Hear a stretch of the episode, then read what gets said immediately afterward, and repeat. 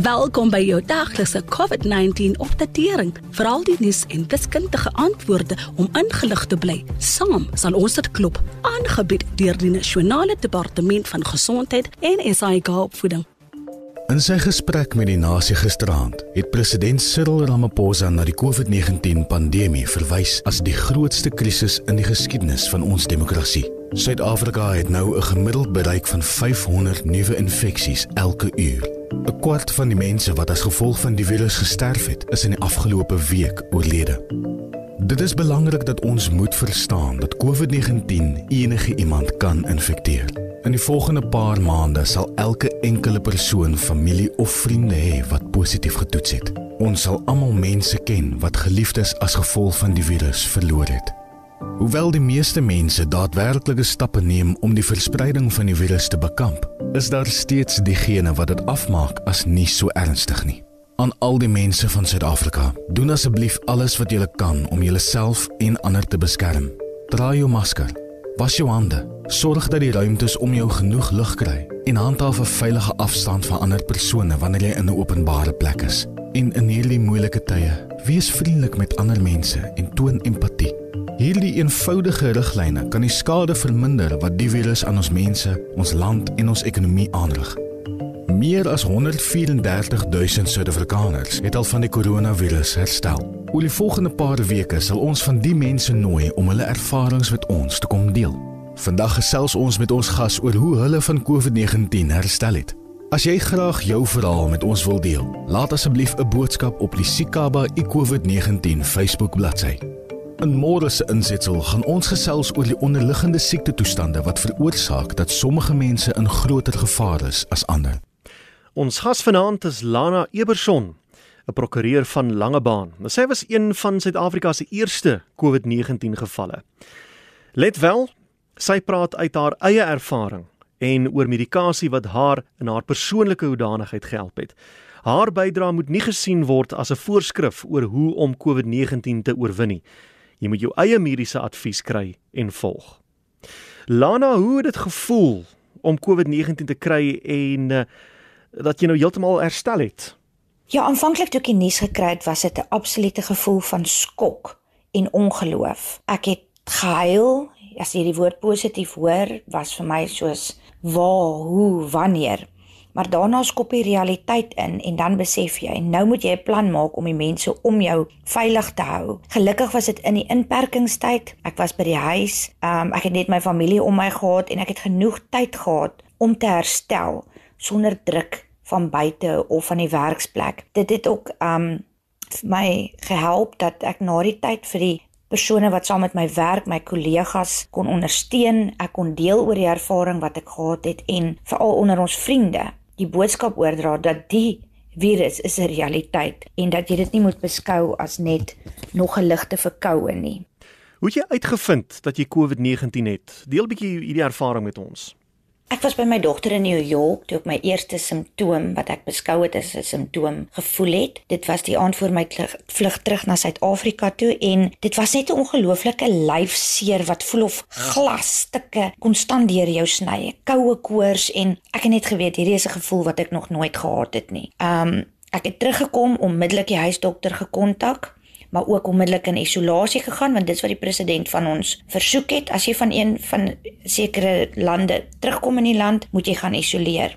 Ek het onmiddellik ook van my man en seun wat saam met my in die huis is geïsoleer totdat ek 3 dae later die toetsuitslag gekry het. Die toets self was 'n vreemde ervaring want dit is 'n oorstokkie wat op steroids is, 'n lang stokkie met 'n wattapunt wat hulle in my neus opgedruk het by Pafcare asook beide kante van my keel wat nogal werklik 'n vreemde ervaring was en nie 'n aangename ervaring nie. Maar daarna het ek geïsoleer en ek dink die feit dat ek die besluit geneem het toe ek 'n simptoom gekry het wat ek vermoed het nog net was COVID en geïsoleer het van vriende en familie en werkskollegas tydens die wagtydperk vir my toetsuitslag het ek vele mense beskerm en ook so gesorg dat ek nie ander mense om my blootstel daarin nie. Aangesien ek ook die eerste geval was in die Weskus, was dit moeilik want mense was onseker hoe om dit te hanteer en ek's net dankbaar en ek dink dis die boodskap wat mense definitief moet kry is dat wanneer jy vermoed jy het dit, isoleer, doen onmiddellik iets. Moenie ander mense blootstel bloot omdat jy nog nie sekerheid het oor wat die werklike uitslag van die toets gaan wees nie.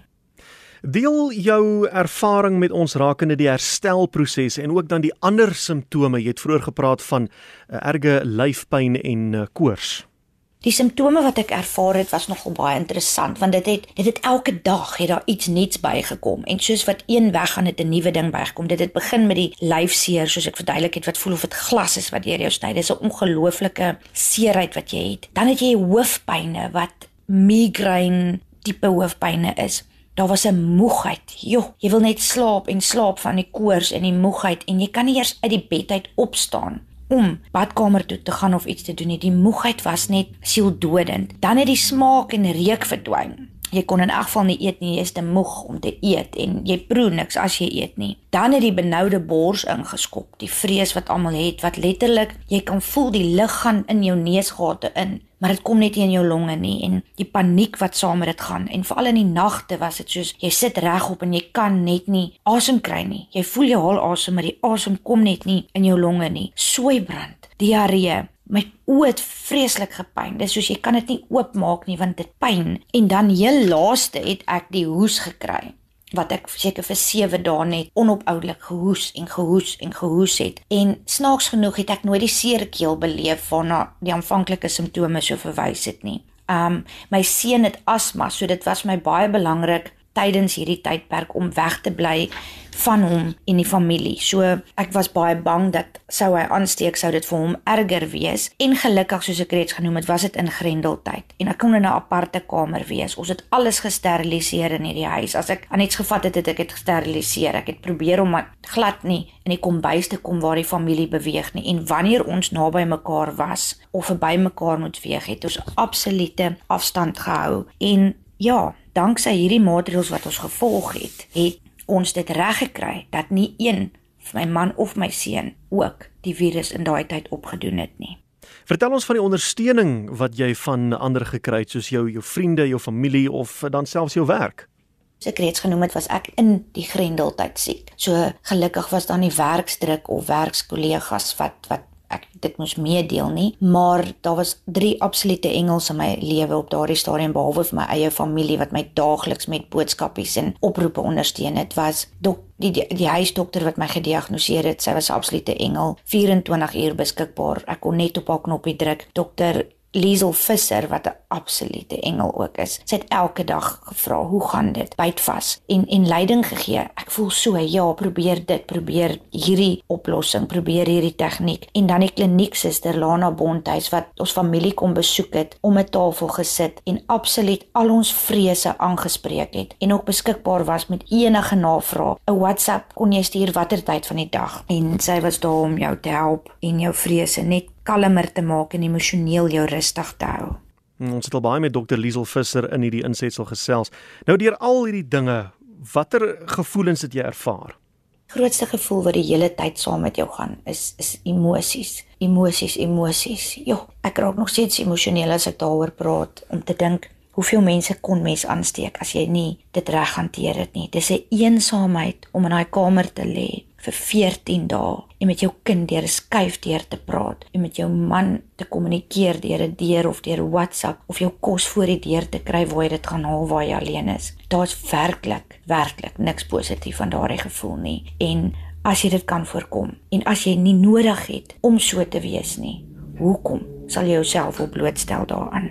Die grootste dankbaarheid wat ek het is dat ek weet ek het niemand aangesteek nie. Ek het kom isoleer. Ek het weggebly van ander persone, bekendes, onbekendes vir wie ek moontlik kon aansteek en wat dan geweldige nagevolge vir hulle gesondheid kon gehad het. So ja, die resep is as iemand dit kon kry, dan se ek bly dit was ek en dat ek ook my familie kon beskerm. Dit is wat my die hele tyd deur dit gedra het is. Laat ek dan die een wees wat dit kry en dat hulle veilig is. Lana, het jy dalk 'n boodskap vir iemand wat nou onlangs die virus opgedoen het of dalk selfs vir mense wat dit nog gaan opdoen? Ooh, ek is so passievol hieroor en ek het al soveel uitsprake gemaak of mense direk aangevat. Ek sê moenie dit wees nie. Neem mense om jou ag, maar die een ding wat ek wil hê almal moet weet is corona en die COVID virus is 'n werklikheid en die meeste van ons gaan dit dalk nie vryspring nie, maar party van ons gaan ook dalk nie gelukkig wees om te lewe om jou ervaring te vertel nie. Die belangrikste is dat ons onsself as individue eerste moet beskerm om nie die virus op te doen nie. Dra jou masker, was jou hande, hou 'n veilige afstand. Wanneer jy jouself eers te beskerm, beskerm jy ook jou familie want dis dit is die mense wat as jy blootgestel gaan word wat jy dit huis toe bring. Um alhoewel ek dit gehad het, volg ek steeds hierdie maatreëls want dit is vir my 'n absolute 'n lewensmotto nou. Ek wil my familie beskerm. Ek wil die tannie langs my in die winkel beskerm. Ek wil my vriende beskerm. En ja, ons moenie laks raak en dink dat Ehm um, dit dit is nie 'n werklikheid nie of dit verdwyn nie. Ons moet ons mense beskerm. Jy wil nie die oorsaak wees dat een van jou mense die virus opdoen met gevolge waarna ons nie eens wil doen nie. Dink nie. Doen dit. Doen die regte ding. Nie omdat iemand vir jou sê om dit te doen nie, maar omdat jy dit doen omdat dit die regte ding is om te doen. En dit was Lana Eberson van Langebaan. Sy was een van die eerste Suid-Afrikaners wat COVID-19 opgedoen het. Dankie dat jy geluister het na jou daglikse COVID-19 inligtingstuk aangebied deur die Nasionale Departement van Gesondheid en SAIK opvoeding in samewerking met die Solidariteitsfonds. Wees veilig, bly gesond. Saam sal ons dit klop, Suid-Afrika.